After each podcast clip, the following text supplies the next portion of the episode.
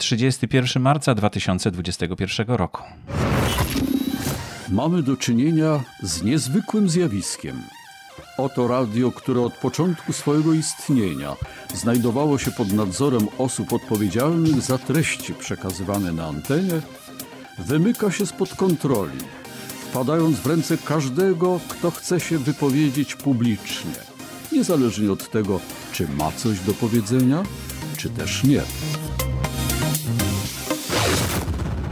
Zaprasza Borys Kozielski. Dzień dobry, witam serdecznie w kolejnym 157 odcinku podcastu pod nazwą Podcasting w Polsce. Dzisiaj do mikrofonu udało mi się zaprosić panią Teresę Drozdę. Dzień dobry. Dzień dobry, witam pięknie i bardzo dziękuję za zaproszenie. E, I zanim zaczniemy, to ja mam taką e, prośbę, sugestię i w ogóle właśnie zróbmy to tutaj, tak online, tak bezpośrednio. E, gdzie ma pan swoją herbatę? Tu. Ja mam tutaj. Aha, Aha stukniemy się, tak? Na ty przejdziemy po prostu. A, co pan na to? Borys, bardzo Teresa, mi miło. bardzo mi miło. Jesteśmy w tym świecie e, podcasterów, podcastingu. E, ty dużo dłużej, ja raczkuję, ale tutaj wszyscy, jak zauważyłam, są raczej właśnie w takich bardzo bezpośrednich ze sobą kontaktach, więc zróbmy to i my. No to fantastycznie, bardzo się cieszę. Teresa, słuchaj, cieszę się, że, że, że udało mi się ściągnąć ciebie do mikrofonu, chociaż to już nie pierwszy raz rozmawialiśmy na temat teatru Syrena. Ale jeszcze zdaje się to nie to ujrzało jeszcze, światła jeszcze dziennego i przyjdzie czas, żeby o tym też porozmawiać zapewne. Jasne. Ale dzisiaj chciałbym z Tobą porozmawiać, ponieważ Ty masz olbrzymie doświadczenie w porównaniu z, no, z jakimkolwiek podcasterem e, w produkcji audycji radiowych, a teraz już podcastowych. Ale najpierw właśnie chciałem zacząć od tego początku, bo podcasterzy często nie doceniają tego, jak łatwo mogą po prostu zacząć produkować audycje.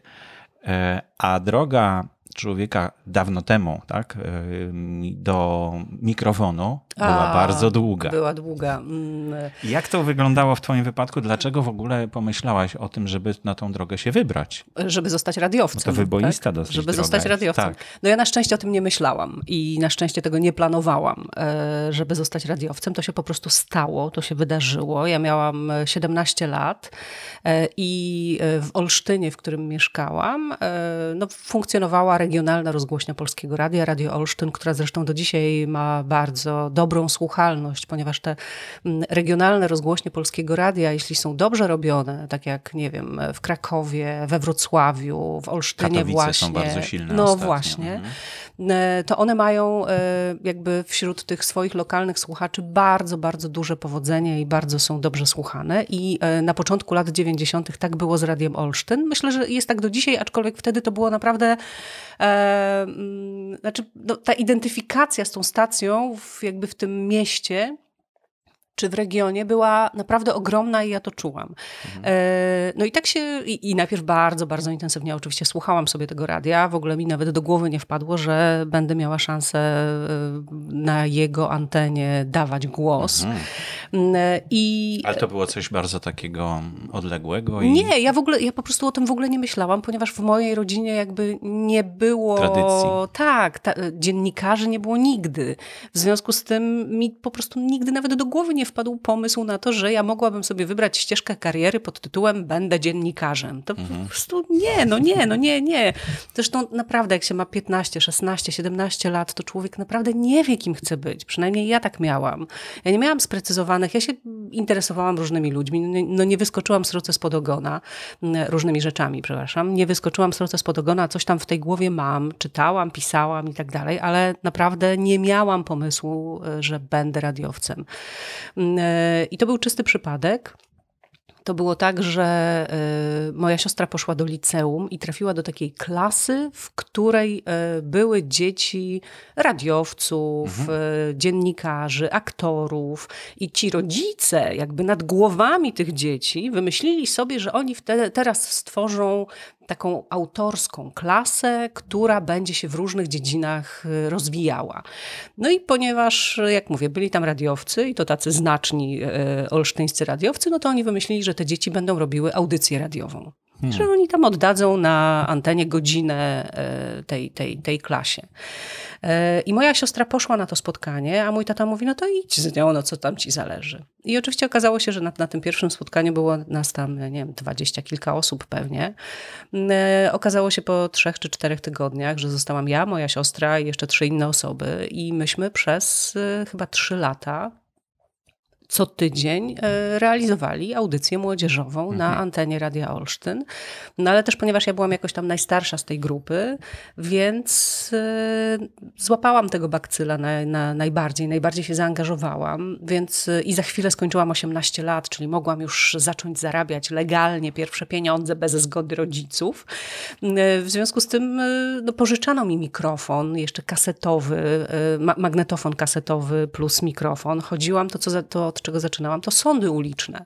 To jest wspaniała, e, niedoceniana, e, trudna i bardzo, ale to bardzo pracochłonna forma radiowa, ale ona tak cudownie koloruje e, każdy program, każdą audycję, że ja właściwie zaczynałam rzeczywiście od robienia tych sąd ulicznych. No a potem to już poszło. Mhm.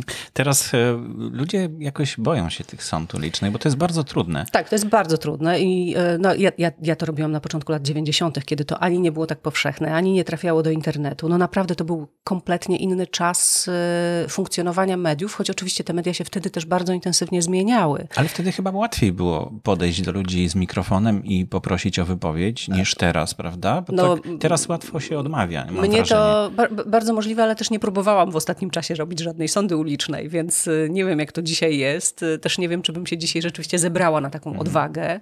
Mm, ale o ile pamiętam tak w ogóle, to y, po prostu od tego się zaczynało. To znaczy w momencie, kiedy młody człowiek przychodził do radia mm, na jakiś staż albo właśnie zapytać, jak to się robi, to pierwsze zadanie, które dostawał, idź to dostawał mhm. mikrofon, magnetofon, mm, idź i nagraj sondę. Tak, dokładnie mhm. było. Tak. Potem oczywiście nie on to montował i też tych pierwszych sąd ja nie montowałam. Montowała to już tam jakaś e, jedna czy druga e, pani czy pan redaktor, dla mhm, których mhm. te, te, te sądy były robione, bo jeszcze montaż sądy to jest osobna bajka. No tak.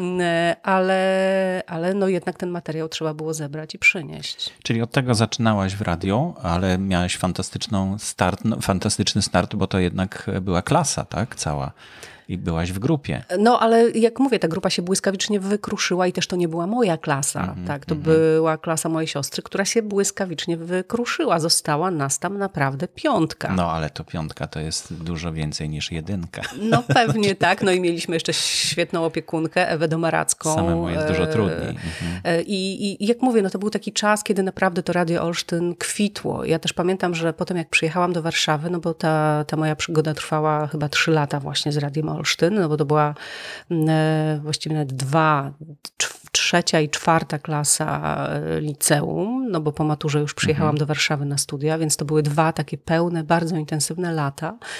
Mm, I ja pamiętam, że jak przyjechałam do Warszawy e, i trafiłam do Radia BIS, do redakcji młodzieżowej, no bo to była taka naturalna też współpraca pomiędzy nami, mhm. też mm, już mieliśmy kontakty, ja miałam kontakty z tą redakcją młodzieżową Radia BIS, wcześniej to była czwórka, potem właśnie to się prze, przekształciło w Radio BIS.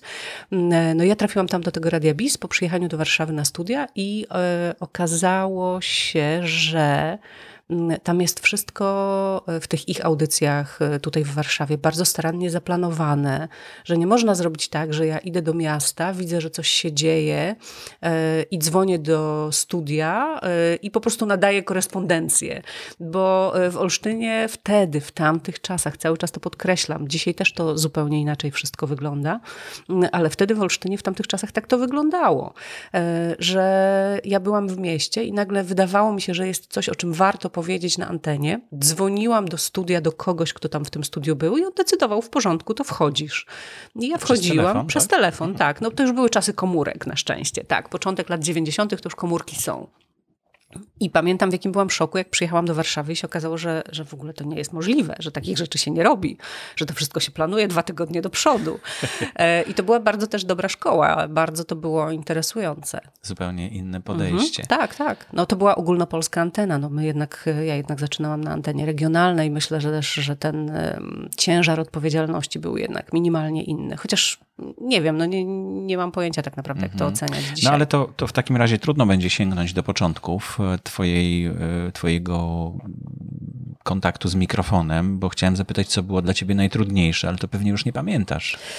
E, to znaczy, pytasz o takie techniczne czysto sprawy? Tak, czy miałaś tremę, czy, czy to ta trema była taka... Nie, nie. Myślę, że ja po prostu kompletnie o tym nie myślałam. Mm -hmm. Na pewno była jakaś trema, musiała być. Jednak ja się też do tych audycji pamiętam, że przygotowywałam, ponieważ e, pisywałam tam sobie jakieś felietoniki, które odczytywałam przed mikrofonem. No ale myśmy jednak tę audycję nagrywali, ona nie była na żywo. Natomiast no, to, co pamiętam i to, z czego jestem dumna do dzisiaj i co było też dla mnie takim, myślę, impulsem bardzo silnym do tego, żeby e, tego radia nie lekceważyć i z niego tak szybko nie rezygnować. A czy mi się to strasznie podobało i w ogóle nie myślałam o tym, żeby rezygnować, ale kiedyś było coś takiego, że komisja przyznająca mm, karty mikrofonowe e, przyjeżdżała do tych regionalnych rozgłośni i przesłuchiwała e, kandydatów do tych kart mikrofonowych. No ale to mm. zaraz, zaraz, to powiedz, co to jest karta mikrofonowa? No co to jest? No, no, no to chyba w samej nazwie jest to, co, czym jest karta mikrofonowa. Karta mikrofonowa to jest takie... Wkłada się do mikrofonu i wtedy można nie, mówić. Nie, to jest takie uprawnienie, to jest taka legitymacja, która e, mówi, że wolno ci pracować na antenie na przykład. I to ciągle funkcjonuje. Mm, e, no jeszcze do niedawna funkcjonowało. E, nikt tego chyba myślę dzisiaj w taki bardzo rygorystyczny sposób nie przestrzega, ale kiedy ja przyjechałam też w latach 90. do Warszawy, e, to um, oczekiwano ode mnie tej karty mikrofonowej. Nawet nie wtedy, kiedy miałam pracować na antenie bezpośrednio, tylko nawet do nagrywania mhm. materiałów. Czyli w ogóle do prezentowania tak. swojego głosu przez. To, to jest rodzaj takiego certyfikatu, że mówisz po polsku, że mówisz wyraźnie, że twój głos y, nadaje się do tego, żeby się pojawić mhm. Y, na antenie. Ale tutaj chyba myślę, głównie chodziło jednak o, mm, y, o, o precyzję wysławiania, o akcent, o właśnie przede wszystkim o, o. No i co? I miałaś to wszystko z domu, że tak powiem? E, myślę, że miałam to z domu tak, to jest, moje, to jest mój jakiś dar, y, to, że ten, rodziców. To, że ten mhm, głos no. mam, to, że w miarę poprawnie mówię po polsku, to, że jakoś w miarę poprawnie akcentuję i tak dalej, i tak dalej. Tak, to, to, to wyniosłam z domu zdecydowanie, mm, bo nie musiałam nad tym pracować y, nigdy właściwie. Mm, no poza tym, że mm, jasne, y, głos się trochę zmienia.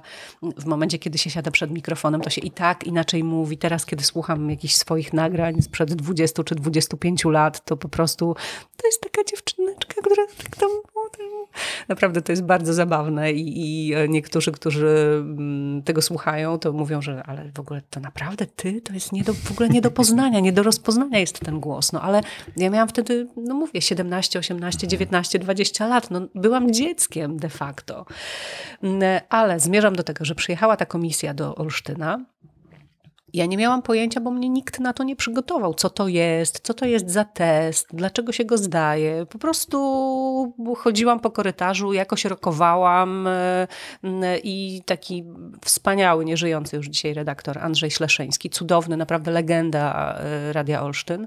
On mówi, idź tam, idź tam, zdaj ten egzamin. Mhm. No ja tam poszłam, po prostu zdałam ten egzamin i pamiętam, że mija ileś tygodni, bo weszłam, usiadłam tam przed tym mikrofonem, coś przeczytałam, bo tam losowało się chyba jakiś tekst do przeczytania, taki czysto y, informacyjny wręcz. Aha. Czyli takie po prostu, żeby posłuchać. Tak, żeby mhm. posłuchać, jak brzmi właśnie tych akcentów, y, y, sposobu artykulacji i tak dalej. I pamiętam, że Mija parę tygodni, w ogóle już nie pamiętałam o tym egzaminie i wszyscy tak po prostu na mnie patrzą w tym radiu. Ja wchodzę któregoś dnia, wszyscy tak po prostu patrzą, ponieważ okazało się, że ja z marszu dostałam tę najwyższą kategorię e, karty mm. mikrofonowej, jaka w ogóle jest, czyli kartę S do pracowania na żywo, do, jakby, do tego, że mogę pracować na żywo. No ale to nie tylko tekst czytałaś, tylko rozmawiałaś chyba z tą Ja już nie pamiętam. Na pewno trzeba było rozwiązać jakiś też test językowy, bardzo prosty, typu znajdź błąd w zdaniu albo coś w tym stylu. No, ja byłam wtedy w liceum, miałam to wszystko naprawdę w małym palcu, bo, y, bo akurat z gramatyką nigdy nie miałam wielkich problemów w liceum. Mm, I, i, I potem pamiętam, że to miało takie swoje konsekwencje, że kiedy przyjechałam do Warszawy, i e, w którymś momencie mm, poproszono mnie o tę kartę mikrofonową. E, ja mówię, no ale gdzie, jak, skąd? No to iść tam, tam do któregoś pokoju, no bo ta komisja przecież urzędowała w Polskim Radiu.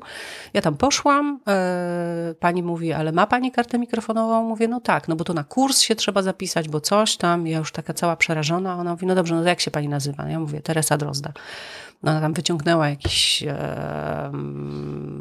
segregator, kartkuje, kartkuje a nie, nie musi pani przychodzić na kurs, to proszę przyjść wtedy i wtedy na egzamin. Czyli jakby a, okazało już... się, że e, ten mój poziom oceniony przez tę mm, komisję był tak wysoki, że nie potrzebowałam e, nawet kursu w momencie, w którym przyjechałam do Warszawy. Także tak, no to dostałam mm, ten dar z góry i, e, no i szczęście, przypadek, a może nie przypadek, może po prostu tak miało być, sprawił, że. Przeznaczenie znalazłam się tam, gdzie miałam się no, znaleźć. Dokładnie.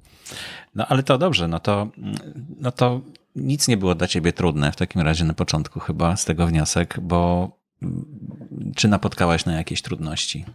E, myślę, że trudny był montaż, bo ja jestem ostatnim pokoleniem e, ludzi radia, którzy e, montowali jeszcze na taśmach. To znaczy, e, to polegało na tym, że przychodziło się z tą kasetą magnetofonową do specjalnego pokoiku.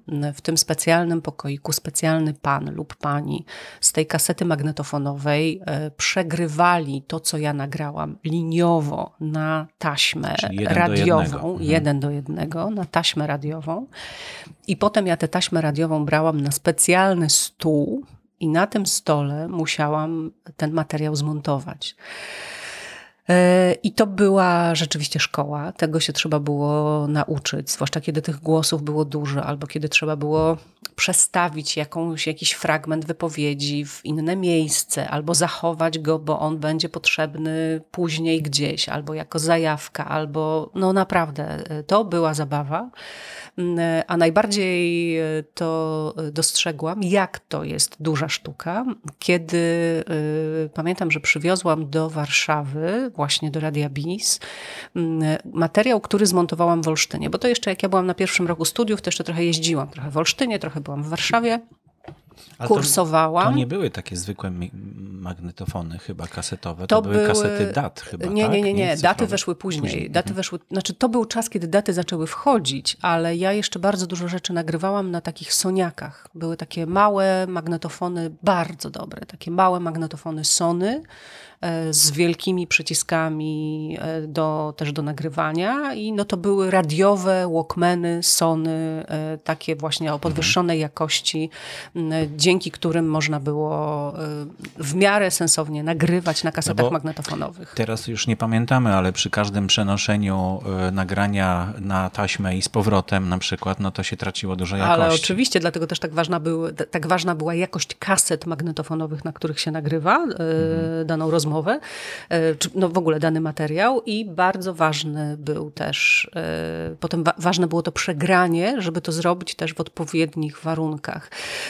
I pamiętam, że zmontowałam jakiś materiał, na który się umówiłam w Warszawie, zmontowałam go jeszcze w Radiu Olsztyn, tam go jakoś przygotowałam, gdzieś go nagrywałam, już nie pamiętam nawet co to było. I przywiozłam te takie, taśma, taśma radiowa, ona ma średnicę Taki około 40-50 50 centymetrów i to jest około 40 minut. Ja przyniosłam, przywiozłam 3 minuty do Warszawy, czyli taka, takie 20 centymetrów powiedzmy tej taśmy.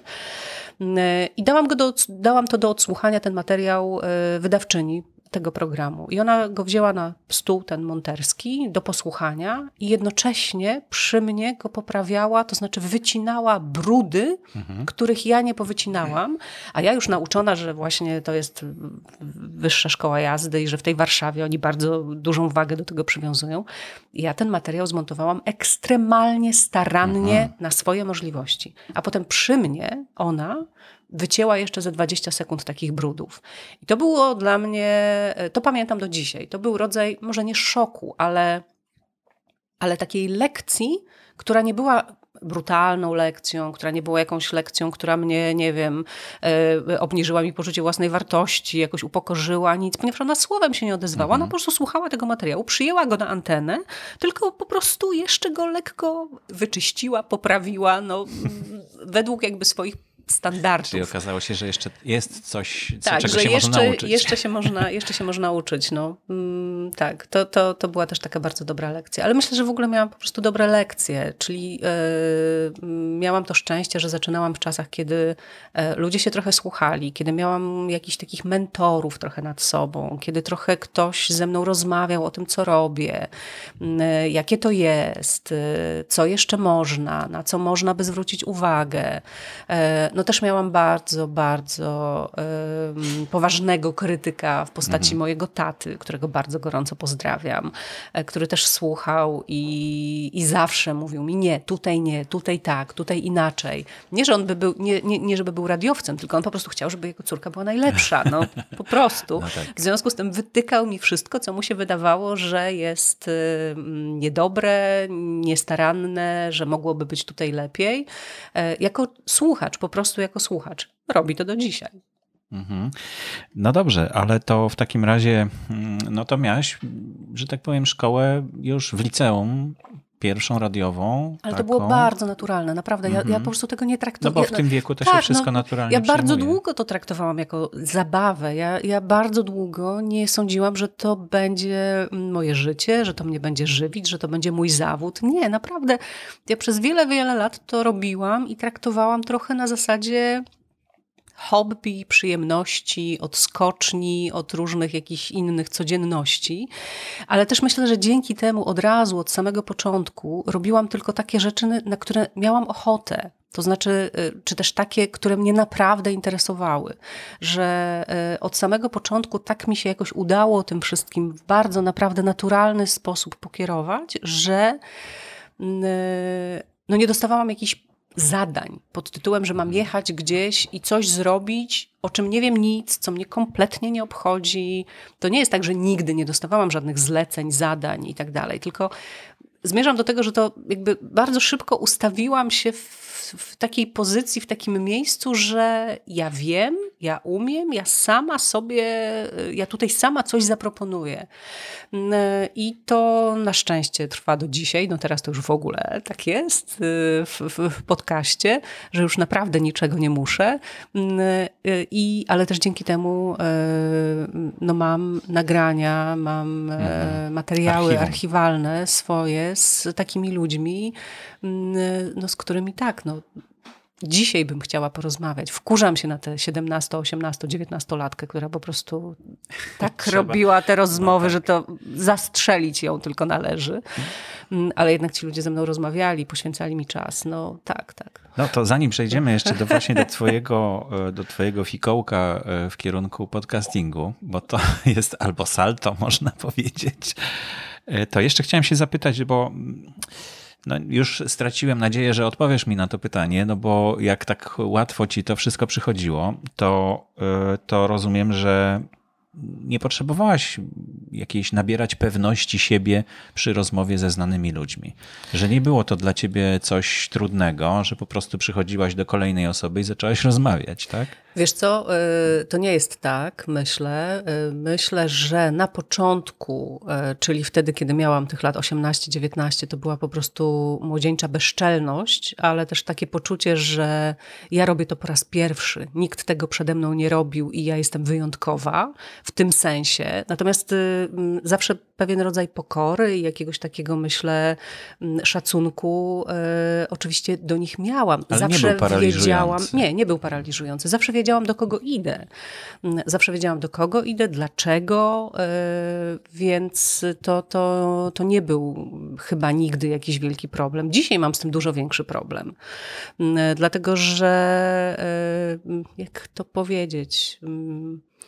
Nie mam dzisiaj aż takiej determinacji w tym sensie, że koniecznie muszę. I mm, y, jeśli y, nie powiedzie mi się umówienie się na jakieś spotkanie, y, to nie rozpaczam z tego powodu. Nie ma, nie ma, nie ma z tego powodu, jakby no trudno, no to się nie udało, trudno, ktoś inny porozmawia. No, Chyba jakoś tak to jest. Ale nie, nie, chyba myślę, że nie miałam tego paraliżującego strachu. Strach miewałam wtedy, kiedy e, rozmawiałam na żywo, kiedy już przyszedł ten etap, że, e, e, że przyjść ma ktoś do studia, taki naprawdę bardzo, bardzo, ktoś przed kim czuje respekt. Ale, ale ktoś, też kogo sama, sama sobie wybrałaś, czy nie? Na ogół sobie sama wybieram jednak tych gości, no ale w momencie, kiedy ma przyjść do studia, no nie wiem, Jan Matejaszkiewicz, e, świętej pamięci, już cudowny, wspaniały aktor, albo kiedy macie przyjść do studia Anna Seniuk, albo ktoś taki, do kogo czujesz naprawdę ogromny szacunek, przed kim się nie chcesz skompromitować, mhm. ale też e, no, nie chcesz w jakiś taki, pójść w jakieś banały, e, mm, ale też nie wiesz, jaki on jest, nie wiesz, jak rozmawia, nie wiesz, e, no, zgodził się na rozmowę, więc być może jednak ma ochotę porozmawiać, no ale nie znamy się. Mm, I, i, i wtedy zawsze się pojawia jakiś rodzaj tremy czy stresu, mm, no bo, no bo zależy mi na tej rozmowie, chcę, żeby ona była dobra, chcę, żeby mój rozmówca dobrze się w tej rozmowie poczuł. Mm, e, I, i, I tak, zdarzały mi się, zdarzała mi się trema przed tego rodzaju rozmowami na żywo, bo, no bo nigdy nie wiesz, jak akurat, jak, jednego dnia ten ktoś się zgodził na to, żeby z tobą porozmawiać i dzisiaj do ciebie przychodzi, ale tak naprawdę nie chce z tobą rozmawiać. E, ale tego ja nie wiem, tak? I tak dalej. No jest cała masa takich czynników czysto e, ludzkich, codziennych, to trzeba szybko wyczuć po tym, jak ten gość przyjdzie. Ale no. można z nim porozmawiać wcześniej przez telefon, prawda? No, Żeby no, ale to niczego nie zmienia. No, ale nie. to niczego nie zmienia. To absolutnie, to absolutnie niczego nie zmienia. Także y, miewałam tremę wtedy, ale też nigdy jakiejś takiej y, paraliżującej. Y, też parę razy miałam takie spotkania y, nagrywane, nie, nie, nie na żywo, y, po których wychodziłam z takim poczuciem, że to nie była udana rozmowa. E, a potem, kiedy siadałam do montażu i jakby od, odsuwałam bardzo w czasie montaż takiego spotkania, Aha. takiej rozmowy, bo po prostu czułam, że, że tam było coś bardzo nie tak i że ja nie chcę tego słuchać jeszcze raz. I kiedy mijało na przykład kilka tygodni i ja siadałam, bo już naprawdę musiałam z tej rozmowy skorzystać mm, i zaczynałam ją montować, to się nagle okazywało, że to jest kurde, bardzo dobra rozmowa, w ogóle o co mi chodziło. Więc są też takie sytuacje. Mhm, mhm. No dobrze. Y, pracowałaś od samego początku w sumie w polskim radiu, bo Olsztyn to też polskie radio. Miałaś przygody z prywatnymi radiostacjami, które tak, no wtedy ja, się zaczęły tworzyć w ogóle. Ja, ja, w 2000 albo 2001 roku 9 miesięcy pracowałam w RMF-ie, a oprócz tego miałam jakieś takie epizody naprawdę z powstającym e, też gdzieś na początku lat, pod koniec lat 90. TOK FM-em, ale to naprawdę były, był epizodzik, natomiast w RMF-ie byłam, mieszkałam w Krakowie, przeprowadziłam się, Pracowałam na kopcu, ale tak, to był epizod właściwie mhm. tylko. Na ile to się różniło od tej pracy w polskim Bardzo się różniło. E, to, co mnie zaskoczyło w RMF-ie, e, to fakt, że mm, takie wejścia antenowe, one po pierwsze były bardzo precyzyjnie obliczone, czyli w jednej godzinie było wiadomo, że ja się odzywam trzy razy i że moje pierwsze wejście trwa, dajmy na to 20 sekund, drugie 40, e, trzecie 15 i nie mogę ja tego czasu przekroczyć i one muszą być ze sobą spójne, te wejścia antenowe. E, I ta, takie wejście antenowe, czyli w trzygodzinnej audycji ja się odzywałam dziewięć razy, plus, nie wiem, godzina na początku albo coś w tym stylu. E, I tych dziewięć wejść antenowych, czyli w sumie 3,5 minuty powiedzmy, e, nad tym się pracowało tydzień. Mhm. I to był dla mnie szok totalny. Zupełnie zmiana myślenia też chyba o swoim, o, o swoim radiu, tak? O, o radiu w sobie. Tak, zdecydowanie i, i, i, to była naprawdę, to była naprawdę niezła szkoła i ciągle słyszałam, że nie tak, że nie tak, że nie tak.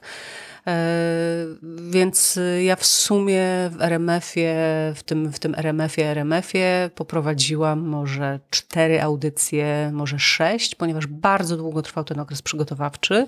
Przez jakiś czas prowadziłam e, audycje w takim radiu, które, które jakby równolegle z RMF-em nadawało, było częścią RMF-u, ale taką właśnie e, krakowską, bardzo delikatną. I oni mnie tam testowali też bardzo długo.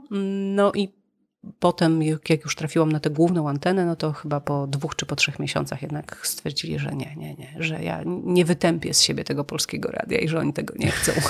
Czyli takiej swobody, tak? Nie, nie wytępią mam, z ciebie. No właśnie chyba odwrotnie, chyba, że właśnie, ponieważ cała sztuka polegała na tym, żeby e, te e, sześć czy dziewięć e, czy trzy minuty, które ja mówię w ciągu tych kilku godzin na antenie, właśnie żeby one miały te naj największą swobodę, jaka jest tylko możliwa. Dlatego to musiało być bardzo, dlatego to musiało być bardzo, bardzo starannie mm, przygotowane. Znaczy ja to traktuję, ja to doświadczenie w RMF-ie traktuję naprawdę jako też dar e, wielki, jako wielkie szczęście, które mnie spotkało, bo naprawdę zobaczyłam, jak się pracuje inaczej. E, też po raz pierwszy zobaczyłam e, tak staranne planowanie nie na dwa tygodnie do przodu, tylko na rok do przodu pewnych mhm. rzeczy. Mm, e, I myśmy mieli kolegia, na których się te rzeczy omawiało i że my już się musimy do tego przygotowywać. I jak się planowało cykl audycji, to ten cykl audycji się też planowało na kilka miesięcy do przodu z konkretnymi tematami na konkretne dni i już w tej chwili zacznijcie to przygotowywać. Więc to też był zupełnie inny sposób e, funkcjonowania i ja jestem niesamowicie za tę szkołę, za te lekcje, za tych kilka miesięcy e, pracy tam w Krakowie e, wdzięczna. No ale jak wróciłaś, to podejrzewam, że zrobiłaś głęboki wdech Niech że opadło ci trochę z tych, że nie, no, nie, nie było łatwo wrócić? Chyba łatwo było wrócić. Pewnie tak, no zawsze jest taki strach, czy cię będą chcieli, czy nie będą chcieli, e, ale ponieważ no, też odchodziłam w takim momencie, kiedy i Polskie Radio było w, w, w pewnych e, zawirowaniach, to też było tak, że już no jednak pracowałam 7 e, lat wyłącznie na umowach zlecenie, na mhm. umowach o dzieło. RMF mi jednak zaproponował etat, to był mój pierwszy etat i tak dalej, więc to było, była, było mnóstwo, znaczy ja się stawałam wtedy dorosła, tak, w tym, w tym 2000 czy 2001 roku miałam 25-26 lat i już należało zdecydować tak naprawdę, co chcesz robić w życiu. Mm, I ta propozycja z RMF-u przyszła właśnie wtedy, czyli okej, okay, to znaczy, że zostałam e, potraktowana jako e, zawodowiec, radiowiec, jako ktoś, kto ma coś do zaproponowania i do, za, do zaoferowania. Mm, e, I wtedy też już wróciłam z zupełnie jakby innym poczuciem do, e, do polskiego radia, ale też nie, nie, nie przypominam sobie, żeby to była jakaś ulga albo coś. No po prostu zaczęłam robić dalej to, co robiłam. I już. No dobrze, ale teraz przejdźmy do tego właśnie, że od 90. lat byłeś związana z Polskim Radiem, z małym epizodem, o którym właśnie opowiedziałaś. No i i nie zostałaś wyrzucona z tego radia. Nie, nie, nie, nie, przyszedł ktoś i powiedział, że pani już dziękujemy, tylko że ty sama zdecydowałaś się, że mm, to jest twoja decyzja i że już dłużej nie chcesz, tak? No, e, myślę też, że podjęta jakieś dwa albo trzy lata za późno, że trzeba było to zrobić trochę wcześniej. Być może, chociaż e, być może wcale nie, nie wiem. I e, to jest ciągle jeszcze bardzo świeża sprawa, to, to, to moje odejście. Ja złożyłam wypowiedzenie w listopadzie 2020 roku. Mm, od 28, 28 lutego skończyła się moja umowa z Radiem dla Ciebie, bo tam miałam etat w tej rozgłośni. Y, jeszcze w styczniu prowadziłam audycję, więc y, mamy koniec marca, czyli w zasadzie formalnie mm, ja dopiero od miesiąca jestem, y, no tak. jak to się pięknie mhm. mówi po czesku, na wolnej nodze, mm, czyli, czyli jak robię coś sama, czy próbuję jakoś sama poradzić sobie. Tak, no odeszłam no, z powodów, o których chyba jakoś specjalnie nie trzeba mówić, które są dość jakoś oczywiste. Bardzo duży wpływ na moją decyzję miało to, co się po prostu dzieje wokół Polskiego Radia. To, w którą stronę e, radio zmierza. E, to była bardzo, bardzo trudna decyzja. Mm, e, I jak mówię, być może powinnam była ją podjąć jeszcze kiedyś, e, znaczy wcześniej. Ja o niej myślałam. Ona dojrzewała we mnie też bardzo długo. Mm, I, ale też mówiąc szczerze, ona dojrzewała, ale ja się nie przygotowywałam jakoś specjalnie do tego, żeby ją podjąć. Mm, I w momencie, w którym ją podjęłam, to to była decyzja bardzo spontaniczna. E, wszyscy sądzili, wszyscy moi znajomi i, i, i, też e, wszyscy moi koledzy i koleżanki z radia sądzili, że ja po prostu odchodzę do Radia 357 albo do Radia Nowy Świat, no bo to ja też przez całe lata współpracowałam z trzecim programem Polskiego Radia mm, i wszyscy myśleli, że to, że to właśnie ja tam idę, a ja mówię, nie, ja tam nie idę. Jak to tam nie idziesz? To na pewno ściemniasz, na pewno tam idziesz. No i okazało się, że jednak tam nie idę, że ja po prostu odeszłam donikąd, rzeczywiście, nie mając... No, donikąd do siebie chyba. No do siebie, no tak, no do siebie, no w tym sensie, że teraz muszę zawalczyć o to, żeby ktoś chciał mnie słuchać. Mm, to to jest w ogóle osobny temat. Mm, e, no ale w tym sensie, że, że, że nie miałam żadnego mm, planu B, żadnego zabezpieczenia, niczego, niczego takiego. No, ale też nie dostałaś propozycji chyba żadnej, tak? E, nie, nie dostałam żadnej takiej propozycji. Pewnie gdybym pochodziła za jakąś propozycją, to być może bym dostała, ale też nie chciałam tego robić. To znaczy uznałam, że jeżeli ktoś e, uzna, że ja mogę coś dla niego robić, to ja to z przyjemnością będę robić, ale rzeczywiście moim celem było to, żeby e, spróbować założyć ten podcast i spróbować e, robić radio, ale po swojemu Mm, bo jakoś czuję w tych podcastach e, ogromny potencjał, jeszcze prawdopodobnie niedostrzeżony przeze mnie na wielu różnych poziomach i, jeszcze w ogóle prawdopodobnie nie umiem skorzystać z tego potencjału. No ale robię co mogę i w ogóle bardzo Ci dziękuję, bo chciałam mm, Wam powiedzieć, że e, Borys jest tak pomocnym człowiekiem, jest takim ideowcem, e, który po prostu odzywa się sam z siebie i mówi, ale wie pani, bo jeszcze byliśmy na pani, pani, przypominam, dopiero przed chwilą przeszliśmy na ty, ale wie pani, bo tutaj by jeszcze trzeba było to, ale wie pani, bo to, ale wie pani, bo tutaj, ale to, e, a może pani by tutaj zajrzała, a może to. I i po prostu nie dlatego, że ja go o to pytałam. On z czystej życzliwości, z wiary w to, co ja robię, czy też co mam zamiar robić, bo ja sama jeszcze dokładnie nie wiem, jak to wszystko wygląda, mm, e, no po prostu wyciągnął do mnie rękę. I to, że ja jestem tutaj dzisiaj, e, ja liczyłam po cichu na to, że to się kiedyś stanie, ale nie sądziłam, że tak szybko.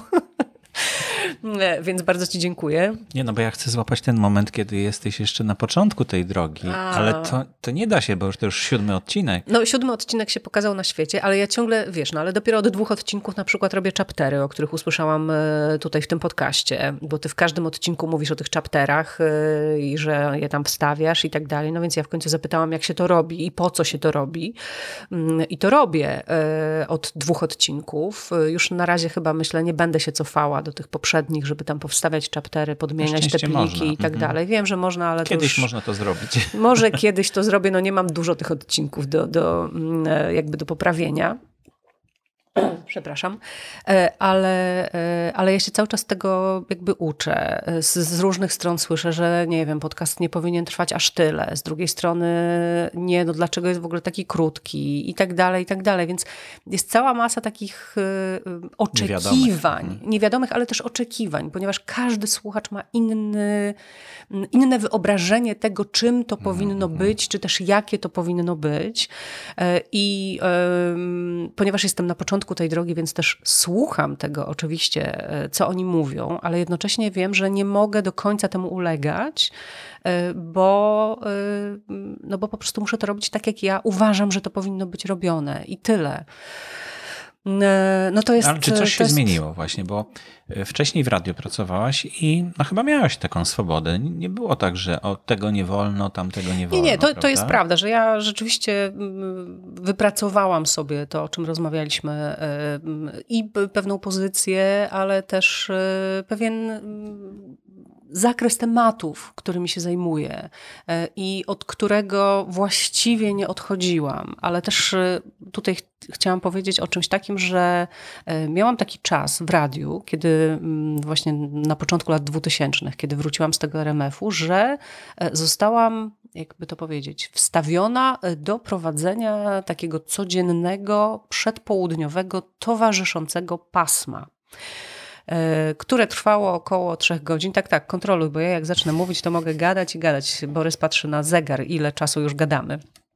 E, I prowadziłam to pasmo trzy albo cztery lata, już w tej chwili nie pomnę. To było trzygodzinne pasmo, w którym co pół godziny zmieniał się temat i zmieniał się gość. I ja to prowadziłam pięć razy w tygodniu, czyli w sumie miałam 30 minimum gości i 30 różnych tematów e, w audycjach, które prowadziłam przez tydzień. I to była kolejna ekstremalna zupełnie szkoła rozmowy. Tak, bieg przez płotki. Bo y, bardzo mi to nie odpowiadało, znaczy w którymś momencie mi to przestało y, odpowiadać. Ten rodzaj y, takiego pośpiechu i takiego prze, tak, też, przemykania się po wszystkich tematach i po wszystkich sprawach. No ale też taka była formuła tego programu, tak? No to był rodzaj takiej, jak dzisiaj mamy telewizji śniadaniowej, tylko tam są jeszcze krótsze te rozmowy, bo one trwają po, nie wiem, 6 minut. No moje trwały może po 12, może, po, może dwa razy po 10, no już w tej chwili nie pomnę. Mm, ale zmierzam do tego, że to była wielka szkoła też takiego przygotowywania się e, szybkiego i rozmowy na każdy, absolutnie każdy temat. Mm, e, I to mnie nauczyło, jak rozmawiać, jak otwierać gości, w jaki sposób do nich podchodzić, ponieważ no, to były tematy czasem dotyczące zdrowia, czasem dotyczące kultury, czasem dotyczące książek, czasem dotyczące jakiegoś wydarzenia, które ma się wydarzyć i przychodzi ktoś, nie wiem, z Domu Kultury, który ma opowiedzieć o tym, co mu się tam wydarzy, albo z jakiejś fundacji, że organizują jakąś akcję.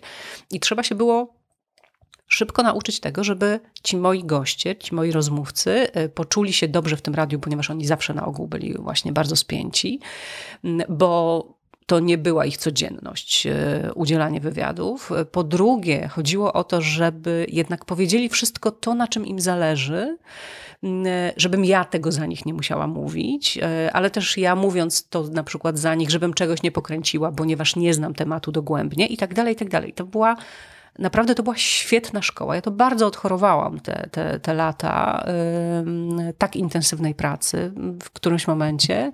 Doświadczenie zostało. Ale doświadczenie zostało, tak, dokładnie. I no i przez ostatnie lata już prowadziłam rzeczywiście zupełnie innego rodzaju rozmowy, dużo swobodniejsze, dużo wolniejsze. Jednak ten czas, który miałam na antenie, był dosyć duży i już kierowałam się głównie w stronę kultury i głównie w stronę takich tematów, które mnie mm, interesowały, ale też nie zawsze, dlatego że w momencie, kiedy się ma trzygodzinny program, no to nie da się zaprosić e, jednego gościa i z nim rozmawiać przez trzy godziny, bo nie. Mm, czyli tych gości trzeba mieć trzech, czterech, pięciu, tych tematów też musi być trochę więcej. E, w związku z tym nie da się, żeby w tej trzygodzinnej audycji było tylko to, co chcesz, tylko to, na co masz ochotę, tylko ci, z którymi naprawdę chcesz rozmawiać. No tak, ale tutaj jeszcze jeden element dochodzi tej różnicy, bo w trzygodzinnej audycji muzyki jest około 30%, a teraz tej muzyki nie masz. No i dlatego mam godzinę, y, w której mogę różne sobie rzeczy porobić. Y, staram się, żeby w każdym podcaście były dwie lub trzy rozmowy, czy też tematy, jakkolwiek by to y, nazwać. No i próbuję w bardzo różne strony. No teraz planujemy razem z moim mężem odcinek, bo ja mam premiery zawsze w niedzielę i będę się tego w miarę możliwości trzymać. No a ponieważ najbliższa niedziela to jest niedziela wielkanocna i ja z jednej strony chcę, żeby te podcasty nie odwoływały się w bezpośredni sposób, te moje podcasty, do daty, jesteśmy tu i teraz, tego i tego dnia, ale też tak do końca nie da się tego uniknąć. No więc chcę jakiś taki nienachalny element świąteczny wprowadzić i teraz kombinuję, jak to zrobić. Mhm. Co to ma być, jakie to ma być i, i, i rozmawiam z moim mężem, który przez ostatnie 10 lat był też moim wydawcą, to znaczy on przede wszystkim zajmował się e, dzwonieniem, umawianiem gości, mm, namawianiem ich do tego, żeby, żeby przyszli, mm, ale jest oprócz tego e, wspaniałym gawędziarzem i w dwóch odcinkach e, Drozdowiska też po prostu siadamy, tak jak my tutaj siedzimy przy stole i rozmawiamy, to my siadamy we dwoje i też rozmawiamy i on opowiada mm, o Krzysztofie Kowalewskim, o Irenie Kwiatkowskiej, ponieważ jest teatromanem i od 60 lat notuje wszystkie spektakle, które obejrzał i notuje swoje wrażenia z tych spektakli. Mm, I teraz nagle po prostu może sięgnąć do tych notatek i e, przypomnieć widział Irenę Kwiatkowską tu, e, Krzysztofa Kowalewskiego w takim spektaklu i w takim. Takie to zrobiło na nim wrażenie. E, I to jest rodzaj, no z jednej strony takiej bardzo prywatnej opowieści, mam wrażenie, ale też z drugiej strony, i to jest to, na czym mi szalenie zależy, że jest w tym jakiś taki kontekst, że jest że, że to wychodzi trochę poza, e, no właśnie, przeczytanie notki z Wikipedii, ale i, i też wychodzi to poza, e, dorzuca, no nie wiem, ja, ja po prostu uwielbiam układać pucle w tej historii kultury. No tak to bardzo górnolotnie brzmi, wiem, ale uwielbiam dokładać swoje klocki do tych poopowiadanych już czasem mhm. historii. E, I w momencie, kiedy on wyciąga te swoje notatki, czyli jakby cofa się do swoich wspomnień sprzed lat 20, czy 30, czy 40, e, zaglądając do tych notatek, mam wrażenie e, i głęboko wierzę, że tak jest, że on dodaje coś do tego, co jest gdzieś napisane, co można przeczytać, do zdjęcia, które można zobaczyć, e, i że to jest wartość. I to bardzo chcę pielęgnować. I bardzo chcę właśnie, żeby w tym moim podcaście, nawet jeśli on dotyczy rzeczy, które mają miejsce tu i teraz, no bo rozmawiałam też, nie wiem, o premierach teatralnych, które niedawno miały miejsce w Warszawie, ale też ostatnio rozmawiałam na przykład z Elżbietą Adamiak o piosence, o piosence w ogóle.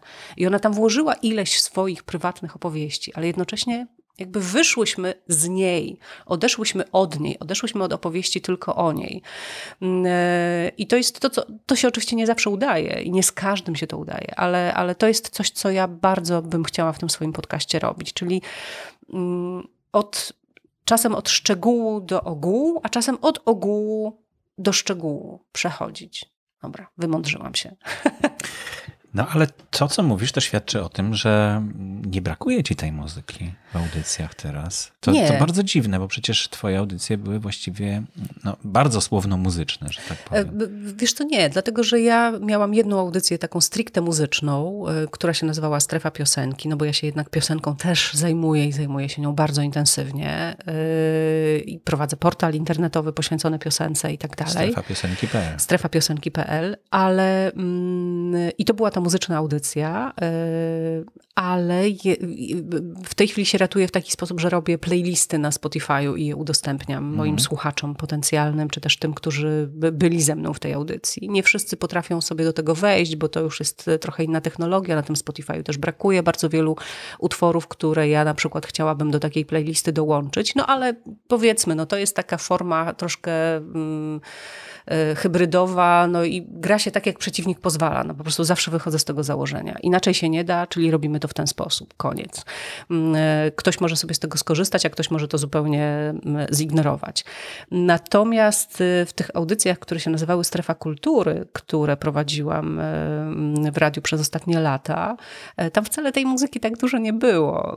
Może w, w, w tym pandemicznym roku było jej trochę więcej, no bo po prostu nie można było zapraszać gości, a ja się trochę buntowałam przeciwko rozmowom przez telefon, takim długim rozmowom przez telefon, bo, bo one są po prostu potwornie męczące mm, dla słuchaczy.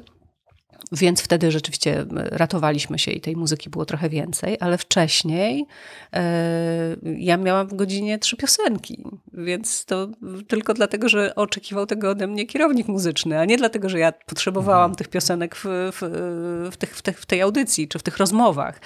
Mm, bo w momencie, kiedy rozmowa się toczy, no to ona się po prostu musi toczyć.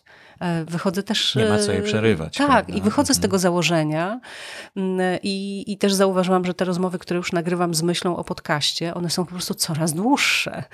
E, Bardzo dobrze. No nie wiem właśnie, no właśnie nie wiem, jak na to zareagują ci moi słuchacze i jak mam ja na to zareagować po to, żeby tam jeszcze dołożyć coś, czyli żeby to miało taką formę no, mikromagazynu przynajmniej, czyli nie tak, że tylko jest jedna rozmowa, jeden gość, może my już tyle też gadamy, że naprawdę ja nie wiem, jak państwo to znoszą, mm, jak wy to znosicie, o, to jeszcze mam ten problem, no wiesz, tak, tak. że jak rozmawiam właśnie z gośćmi bardzo często, to mówię państwo. Jak już siadam i nagrywam zapowiedzi do podcastu, no to już przechodzę na tę formę bardziej bezpośrednią. Wy, moi słuchacze. E, ale, ale no właśnie, w rozmowach jeszcze mi zostaje, e, jeszcze się nie przestawiłam. No to jeszcze trochę potrwa pewnie. No pewnie to trochę potrwa, ale też mam nadzieję, że to jakoś to straszliwie nie, nie przeszkadza. No i też mam nadzieję, że to mhm. straszliwie jakoś bardzo nie przeszkadza. Znaczy ja, ja oczywiście czuję, że okej, okay, dobra, tu jest w związku z tym niekonsekwencja, a to, czego nie znoszę, to jest właśnie pewna niekonsekwencja i to jest moja własna niekonsekwencja, więc ale Pamiętam sobie, o tym pozwól i sobie tak? na Dobrze, dziękuję bardzo. A, czyli że mogę być też niedoskonała, tak? tak? No nawet Dobra. trzeba. Raczej trzeba. Tylko to słuchaj, no bo mówisz o, mm, o tej swojej przygodzie w polskim radiu, o przejściu do podcastów. A w podcastach bardzo istotna jest społeczność, którą mm, się ze sobą um, jako y, społeczność słuchaczy. Mhm.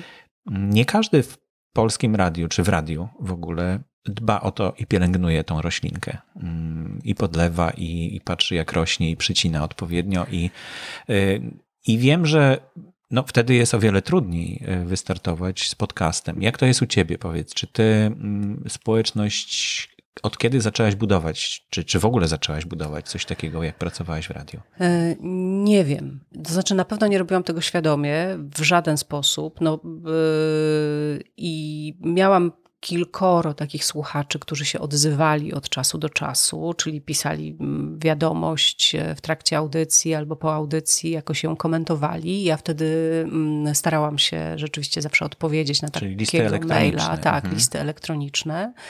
Natomiast jednak chyba od tych już paru lat ja mam otwarty, absolutnie publiczny profil na Facebooku. Ja niczego na tym profilu nie, nie, nie blokuję. To znaczy, wszystkie treści, które umieszczam, są otwarte dla każdego, kto na ten profil wejdzie, niezależnie od tego, czy jest moim znajomym, czy nie jest moim znajomym. Więc yy, bardzo duża część tej rozmowy czy tej korespondencji przeniosła się już parę lat temu na Facebooka. Mhm. No i ja w tej chwili chyba na tym przede wszystkim bazuję. E, I czuję rodzaj takiego, jakby to powiedzieć, no, szklanego sufitu, że ja ponad tych, ty, ty, ty, tych parę setek ludzi, którzy mnie tam obserwują, czy czasem się odzywają, czy czasem komentują, nie, nie, nie jestem w stanie wyjść sama. I że e, dlatego tak ważne jest każde udostępnienie e, linka do podcastu, informacji o tym, że ten podcast jest, linka do zbiórki na Patronite. No, założyłam tego Patronite'a e, z taką intencją, że, no, że może się uda za jakiś czas E, żeby nie robić już nic innego, tylko absolutnie skupić się wyłącznie na tym podcaście. No to jest jakiś rodzaj snu i jakiś rodzaj marzenia. Mm, e, I to by było cudowne. E, mam wspaniałego męża, który generalnie bardzo mi kibicuje w tych wszystkich moich działaniach i, i on mnie uspokaja, że ja naprawdę nie muszę już jutro zarobić tych pieniędzy, że naprawdę jakby mogę sobie, i to jest wielki komfort, który mam, że mogę sobie dać czas na to, żeby tę społeczność zbudować, e, na to, żeby dotrzeć przede wszystkim do nowych słuchaczy, do nowych ludzi, żeby jakoś się w tym wszystkim odnaleźć. E, no, ale nie wiem tak naprawdę, jak to, jak to będzie, jak to się skończy. Na razie mi ten podcast zabiera bardzo dużo czasu, ale też strasznie się przejmuję i bardzo po prostu starannie to robię. Robię to milion razy staranniej, niż bym to robiła gdziekolwiek indziej. Nawet w radiu, tak? No, znaczy zawsze to, to, jest tak, że y, w radiu większość rozmów mogłam prowadzić na żywo, czyli jedyne, co musiałam zrobić wcześniej, to coś wiedzieć o gościu, który do mnie przyjdzie, ewentualnie wiedzieć, na jaki mam z nim rozmawiać temat, przeczytać książkę, nie wiem, pójść do teatru i tak dalej. No ale to też, bo mało kto, myślę, w ogóle bierze pod uwagę, że tego rodzaju. Mm, przyjemności, jak pójście do teatru, czy przeczytanie książki, czy obejrzenie filmu, to jest też praca w moim wypadku, bo to jest przygotowanie, merytoryczne przygotowanie mhm. do tej rozmowy. Bardzo wiele osób, miałam taką przygodę kiedyś w radiu, przyszedł na nagranie. Robiłam kiedyś audycję literacką, e, taką regularną, i e, przyszedł jakiś autor e, do studia i nie, nie, znaliśmy się wcześniej, ktoś go tam umówił, wydawnictwo, czy nie wydawnictwo, czy coś, no i on wchodzi, ja się witam, dzień dobry, Teresa Drozda. A on mówi, a to pani jest tą dziennikarką, która książki czyta, tak? Naprawdę, znaczy to, to było dla mnie szokujące, bo mi się wydawało, że to jest normalne, ale okazało się, że nie, dlatego że wszystko, y, czy bardzo wiele rzeczy, bo nie jest tak, że wszyscy dziennikarze nie czytają, albo że wszyscy czytają. Wiadomo, i są takie mm, audycje, czy takie rozmowy, czy takie spotkania, które no, siłą rzeczy, z uwagi na pewien format, w jakim się odbywają, są powierzchowne. I wtedy no to, o czym taki... mówiłaś, ta audycja, którą Tak, na przykład. I wtedy taki rozmówca, znaczy taki dziennikarz yy, czyta tylko, nie wiem, opis tej książki, czy opis tego, o czym ma rozmawiać, jakąś krótką informację prasową. A w momencie, kiedy ja siadam z autorem oko w oko, w intymnej sytuacji rozmowy radiowej i mam z nim rozmawiać 20 albo 30 minut, no to ja już sobie nie mogę na coś takiego pozwolić, tylko po prostu muszę przeczytać tę książkę. Czy właśnie obejrzeć jeden, drugi, trzeci, czwarty spektakl. Teraz czeka na emisję rozmowa z Dominiką Kluźniak, wspaniałą aktorką Teatru Narodowego, która w ostatnim czasie zagrała dwie wielkie premiery, Trzy siostry i Śnieg. Mm, I ja obejrzałam oba te spektakle. Y, mm, spotkałyśmy się po to, żeby o tym porozmawiać, ale rozmawiałyśmy jeszcze o milionie innych rzeczy, no bo ja ją jeszcze widziałam i tu, i tu, i tu, i jeszcze to chciałam, i to. I ona wyszła z tej rozmowy i mówi: No, fajnie było, dziękuję. Mm, I o to właśnie chodzi. Y, ale to jakby nikt nie traktuje, oczywiście to jest bardzo przyjemne, ale to jest też praca. Y, to jest jakoś tam obciążające, ponieważ jakby siedząc na tej widowni, czy czytając tę książkę, ja muszę y, uruchamiać cały czas mózg, ok, to jest ważne, to muszę zapamiętać, to sobie trzeba zapisać. Po prostu, to też tak działa. Mm, y, I teraz już nie wiem, o co chodziło tak naprawdę y, i do czego chciałam dojść, mówiąc o tym, a, że czasu mi zabiera bardzo dużo podcast, ale w tej chwili też bardzo dużo przywiązuję, aha, no i że jak nagrywałam rozmowy do radia, przepraszam, że tak skaczę, ale dygresję, proszę Państwa. Mm, I jak nagrywałam rozmowy do radia, to zawsze je również montowałam. E, a w momencie, kiedy gość ci przychodzi na żywo, to już nie musisz tego montować. I niezależnie od tego, jak ta rozmowa się potoczy, czy on mówi sprawnie, czy mniej sprawnie, bardziej potoczyście, czy mniej potoczyście, po prostu to poszło na antenę i koniec. Mhm. I już się z tym nic nie robi. Natomiast jednak do podcastu nagrywam rozmowy i nie jestem w stanie y, jeszcze przeskoczyć w sobie, tak, przeskoczyć w sobie tego, żeby ich nie montować. Mm, po prostu muszę je zmontować. A ponieważ szalenie mi zależy na tym, żeby to było e, no jakościowo po prostu najwyższej próby, więc montuję to bardzo, bardzo starannie. Czyli sobie wyżej poprzeczkę postawiłaś niż e, takie, wcześniej. Takie odnoszę wrażenie, że trochę sobie postawiłam wyżej poprzeczkę, ale też dlatego, że Mm, poznaje to medium, jakim mhm. jest podcast. I, mm, I chcę wprowadzać do niego, czy no nie wiem, jakoś funkcjonować w nim y, naprawdę no, na takim poziomie, na jakim bym chciała. No, no, no nie będę odstawiać maniany, no po prostu no, no, nie mogę zejść poniżej swojego poziomu. No, no nie wiem, jak to inaczej nazwać. No, po prostu uważam, że tak trzeba i koniec. Rozumiem, czyli postawi, postawiłaś wyżej poprzeczkę, to jest jeden z elementów twojego przejścia do podcastingu, czyli uważasz, że podcasting jest czymś no, takim, co trzeba robić bardziej starannie? No bo y, ja chcę, że jak... To już ja, jest pod twoim szyldem, tak? No ale zawsze to trochę było pod moim szyldem. To znaczy, no jednak ja się podpisuję pod tym, co robię, zawsze swoim nazwiskiem. E, to czasami ginie w ilości treści produkowanych przez 24-godzinny mhm. program radiowy. I to też był pewien rodzaj takiego... Yy, no, takiego poczucia niedocenienia, tak to nazwijmy, tak? Że jednak y, tych treści radio produkuje bardzo, bardzo dużo. Jesteś trybikiem tylko tak, w tym radio. I, y, i trochę mi, te, tak, tego mi trochę brakowało. I to na wszystkich antenach Polskiego Radia, w których y, miałam y, przyjemność pracować. Ale to jest tylko, mówię, to jest jeden z elementów, no to jest taki rodzaj takiej miłości własnej, tak? takiego ego, które, które, które no, każdy potrzebuje, żeby mu troszkę to ego pogłaskać, no po prostu. I, i, I czasem brakuje ci tego bardziej, czasem mniej. I są takie momenty, kiedy masz poczucie, że naprawdę zrobiłeś coś absolutnie wyjątkowego i nie ma żadnego odzewu. No i to nie jest fajne. Myślę, że w podcastingu też mnie to czeka, oczywiście i że e, no, trzeba będzie jakby zapracować sobie też na, na, na to zaufanie e, słuchaczy, ale e, chciałabym też, bo ja to. Dlaczego ja uwierzyłam w podcast, w podcasting w ogóle? Uwierzyłam w podcasting z powodu Netflixa. Bo kiedy wchodził. Czyli najpierw uwierzyłaś w Netflixa. Kiedy wchodził Netflix, kiedy w ogóle zaczęło się mówić o czymś takim jak telewizja na życzenie, to ja się po prostu stukałam w głowę mówię, Jezu, kto w ogóle będzie chciał z tego korzystać? Przecież to jest jakaś abstrakcja, to jest w ogóle coś, czego nikt nie ogarnie, nie zrozumie, to, to się nie przyjmie, to się nie, to się nie uda. I trzy lata później już oczywiście płacę abonament za Netflixa yy, i w inny sposób już właściwie w ogóle nie oglądam telewizji niż tylko poprzez platformy streamingowe, mhm. wybierają, no oprócz informacji, tak, jakby programów informacyjnych, które oglądam w normalnej telewizji, czy nie wiem, transmisji sportowych, które mój mąż z kolei ogląda, więc no nie pozbyliśmy się zupełnie kablówki mm, i nie przestawiliśmy tylko i wyłącznie na streaming, ale, ale jednak yy, okazało się, że to jest metoda na, na, na, na to, żeby oglądać e, i żeby wybierać sobie te treści, na które masz ochotę. I potraktowałam podcasting dokładnie w ten sam sposób. To znaczy, to jest radio na życzenie.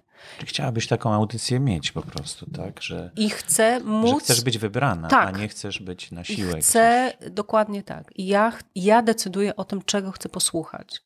E, I oczywiście no, myślę, że na Netflixie też jest 6 tysięcy seriali już w tej chwili pewnie, e, chociaż nie wiem, bo nie znam tych statystyk, e, ale mówię teraz o katalogu podcastów, w którym tych podcastów jest więcej niż 6 tysięcy. I odnalezienie w takim gąszczu tego, co cię naprawdę interesuje, jest, e, myślę, bardzo trudne. Mm, e, jak czytam na e, grupie mm, podcastów, w ruchu słucham podcastów, patrzę na ten poniedziałek z podcastingiem, gdzie ludzie mm, piszą o swoich odcinkach, lub też tam czytam, jakich odcinków, czy też czego ludzie w podcastach szukają, no to trochę łapię doła, bo szukają tam bardzo konkretnych, bardzo wyspecjalizowanych treści, e, których ja nie daję. Ja nie daję głęboko wyspecjalizowanych treści. Ja daję treści ogólnorozwojowo-kulturalne, tak to nazwijmy. I mam wrażenie, że nikt czegoś takiego nie szuka. E, I to mnie trochę martwi i dołuje, ale. To, to, to nie Ale uznałam, że, ale dokładnie nie. uznałam, że jeszcze muszę sobie dać trochę czasu tak, po prostu. I, I, słuchacze też muszą troszeczkę dojrzeć do tego, że takie treści też można y, konsumować przez podcasting, bo do tej pory mhm. no, no, nie było takich audycji. No, powiedzmy sobie, tak? Tak? Szczerze, że nie było takich audycji. No, były tylko pogaduszki, ewentualnie dwóch kumpli przy piwie o filmach. E, o teatrze to chyba jedna audycja, którą Twoja kojarzę. zresztą. Nie, nie, to mówisz o teatrze Rampa, natomiast mhm. był też no jest na pewno podcast, jest, mhm. jest na pewno podcast ze Szczecina. No to, ale to są, to są naprawdę mhm. rodzynki.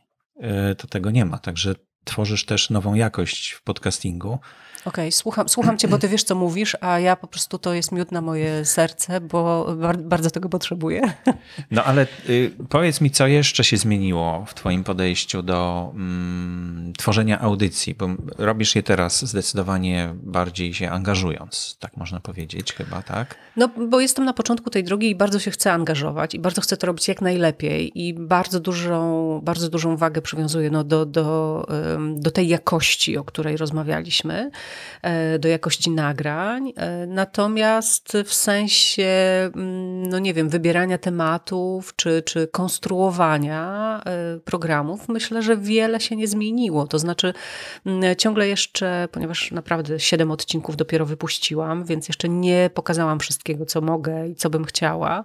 Mm, to, co czuję, że powinno się tam znajdować, to takie naprawdę rzeczy absolutnie e, unikalne. Dlatego zaczęłam e, przeglądać to swoje archiwum. I to takie najwcześniejsze archiwum, takie jeszcze robione w latach 90. Widzisz, to jest kolejny E, przykład na to, że e, byłam stworzona do tej pracy, że to, że, że, że to radio mnie wybrało. Nikt mi nie mówił, że ja powinnam archiwizować swoje rozmowy. Hmm. Nikt mnie tego nie uczył. Nikt mi na to nigdy nie zwrócił uwagi. Ja sama czułam i sama wiedziałam, że to trzeba robić. Mm, być może dlatego, że te moje pierwsze rozmowy były, nie wiem, z Jackiem Kaczmarskim, Michałem Bajorem, e, e, Januszem Józefowiczem i tak dalej. I ja po prostu nie chciałam tego gdzieś zgubić w jakichś kartonach, czy pozwolić na skasowanie, bo to jeszcze ciągle mówimy o taśmach, tak, o mhm, taśmach. Mm -hmm. I to, jak mówiłeś o datach, o kasetach dat i w ogóle o magnetofonach dat, to to był też czas, kiedy te daty wchodziły, ale one były, jeszcze nie było wtedy tych małych datów e, reporterskich, natomiast były już duże daty i były były te kasety dat, które miały bardzo dużą pojemność, no i były kasetami cyfrowymi. I wyobraź sobie, że ja za gigantyczne jakieś pieniądze. Raz na pół roku kupowałam taką kasetę no to było dat. strasznie drogie wtedy. Mhm. To było strasznie drogie. E, ale ja raz, na, ja raz na pół roku kupowałam takiego data. I zgrywałaś sobie I na rzeczy. niego mhm. wszystko, na, na long playu jeszcze, żeby więcej się zmieściło, wszystko zgrywałam. Ja mam tych datów ileś. I na szczęście zdążyłam je przegrać wtedy, kiedy jeszcze magnetofony dat w ogóle funkcjonowały i były, w radiu były po Teraz prostu. można kupić pewnie gdzieś w komisji. No pewnie można, no, ale nikt nie wie, czy to będzie działało, czy nie będzie działało. A w mhm. radiu jeszcze dosyć długo daty były mm, i ja sobie zdążyłam te rzeczy scyfryzować po prostu, przegrać z tych datów na dzisiaj obecne nośniki. Ja mam jeszcze całą masę rzeczy na minidyskach, bo jeszcze przez wiele lat pracowałam na minidysku. No też mm, bardzo fajne. I na tych minidyskach, hmm. te minidyski jeszcze są nieprzegrane, ale na szczęście mamy chyba jakiegoś minidyska e, w domu, e, albo to można już kupić za naprawdę niewielkie pieniądze, tak, tak. Mhm. więc e, jeszcze to przede mną, przegrywanie tych materiałów z minidysków. Potem archiwizowałam na kompaktach, a potem na płytach DVD, MP3 na przykład. Także ja mam bardzo bogate swoje archiwum, swoich własnych materiałów, nagrań i dźwięków, więc mam z czego wybierać. Masy rzeczy nie pamiętam w ogóle, że to robiłam. Teraz jak e, właśnie zaglądałam do tych różnych opisów, to się nagle okazało, że jakieś cuda na kiju zupełnie. Mm, więc y, mm, też jakby w ten sposób próbuję y, przyciągnąć słuchaczy, sięgając po te, mm, po te materiały. I na razie jeszcze się tak udało, że one wszystkie wpasowywały się powiedzmy w tematy, które ja poruszałam w podcaście, ale myślę, że przyjdzie taki moment, że ja po prostu jako jeden z elementów podcastu będę dawała z drobnym jakimś komentarzem swoim coś, co jakby zupełnie nie pasowało do, nie, nie, nie wiąże się z z rozmową na przykład, która była mm, wcześniej. No właśnie myślę, że ma, mam jakieś takie chyba sądy z lat 90. robione o, o, o jak to się nazywa, lanym poniedziałku, czy o czymś takim. I być może to w, w, w tym wielkanocnym podcaście e, użyję tego. Zobaczymy. Jeszcze, jeszcze nie wiem, bo on jeszcze jest nie, nie, nie zmontowany, nie zaplanowany precyzyjnie. Mm, e, e, no, na razie trwa proces myślowy. Mhm. I jak, jak zamierzasz w takim razie, mm, bo rozumiem, że tą społeczność, nie miałaś innej społeczności w radiu i teraz nie, nie masz innej, nie, tylko nie, masz tą to samą. Jest, to jest ta sama społeczność, mhm. tak. E, jakoś zamierzasz ją budować? Bo to jest ja nie bardzo wiem, czy, istotne. Nie? Wiesz co, ja chyba nie umiem też tego robić. To znaczy musiałabym pójść na jakiś kolejny kurs budowania społeczności albo przeczytać jakiś kurs budowania społeczności. Nie, na razie tutaj stawiam na spontan, że tak się mhm. wyrażę. Chcesz zobaczyć, co z tego wyjdzie. Zobaczymy, mhm. co z tego wyjdzie. Na to trzeba poczekać, nie? Tak, no mhm. dlatego jakby daję sobie ten czas. Z jednej strony y, mam w sobie taką niecierpliwość i chciałabym już widzieć te efekty. No, obserwuję obsesyjnie te wyświetlenia tam na Ankorze, ile tam jest, ilu tam jest tych słuchaczy, ile kolejnego odcinka było odsłuchań. Ja też, bo to mi poradzono, wrzucam podcast na YouTube'a. Nie wiem, to, to mi dokłada bardzo dużo pracy, bo też na tego YouTube'a wkładam podcast w częściach, o ile już w tej chwili robię do normalnie na, na, na Ancora, na Spotify'a i tak dalej, do tych wszystkich podcastowych platform wstawiam chaptery. E, na to, o tyle na YouTube'a nie wstawiam pełnych 60 czy tam 60 kilkuminutowych dźwięków, tylko dzielę na te fragmenty, czyli jakby każdy właściwie, czy prawie każdy odcinek ma trzy części e, na YouTubie. Mm, e, I no, wymyśliłam, że tak będzie mądrze, że tak będzie lepiej, no, że tak będzie łatwiej, że tak będzie łatwiej dla, dla, dla słuchaczy, mhm. że tak się to będzie też łatwiej gdzieś tam wyszukiwało w tych algorytmach, Mm, ale mówię, to jest dopiero początek, więc też nie wiem, czy to jest dobry pomysł, czy nie. I tak w ogóle nie planowałam tego YouTube'a robić, no ale poradzono mi, że to trzeba, że koniecznie, że bez tego to w ogóle no, ale mm, po tych to nie kilku pójdzie. odcinkach to już wiesz, że się opłaca? Tam jest dużo słuchaczy? E, no, jeden odcinek, czyli odcinek poświęcony, y, dwa odcinki właściwie, czyli y, odcinek poświęcony Jeremiemu Przyborze i Agnieszce Osieckiej, one mają po ponad 300 wyświetleń na YouTubie i tyleż na Spotify'u i, i, i tam na tych wszystkich innych platformach, to znaczy Przybora ma chyba 400 na YouTubie, a 300 tam ileś na, na, na Spotify'u, a Osiecka odwrotnie, 300 ileś na mhm, YouTubie mm i 400 mhm. ileś na mm, Spotify'u. Czyli równomiernie się rozkłada. Y, tak? To się rozłożyło bardzo ładnie. Te, te dwa konkretne odcinki, no bo one jednak były też jakoś tam wyjątkowe y, i bardzo na czasie i, i też takie no, odwołujące się no, do tego, co każdy jakoś zna. Mm, natomiast pozostałe to jest bardzo różnie. No, tam na razie w ciągu paru dni to nie, nie, nie, nie przekracza stu tych wyświetleń. Mm -hmm. I subskrypcji też stu jeszcze nie przekroczyłam. No ale naprawdę to nie trwa nawet jeszcze miesiąca wszystko, więc... No właśnie. No więc mam nadzieję, że, że no właśnie potrzebny jest ten czas, potrzebna mi jest ta cierpliwość, chociaż jak mówię, no, chciałabym, żeby to od razu wybuchło.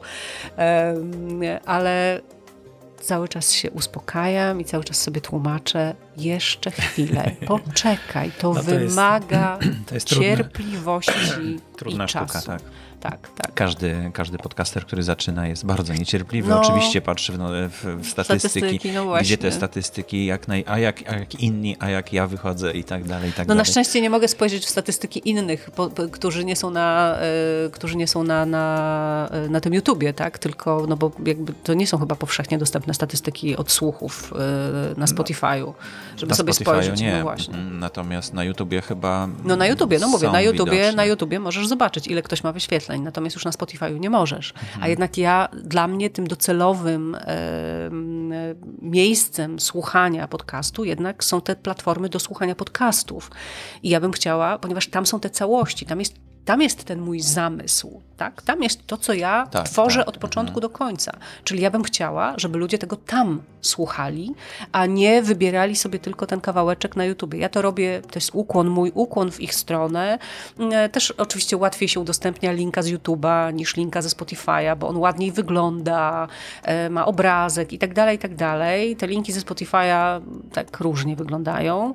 E, ostatnio na przykład w ogóle nie mogę udostępnić na, na stories na Instagramie linków ze Spotify'a z jakiegoś powodu się po prostu nie udostępniają i tak dalej, i tak dalej. Więc jakby to stwarza, te, te platformy stwarzają trochę różnych mm, problemów, ale no cały czas się uczę.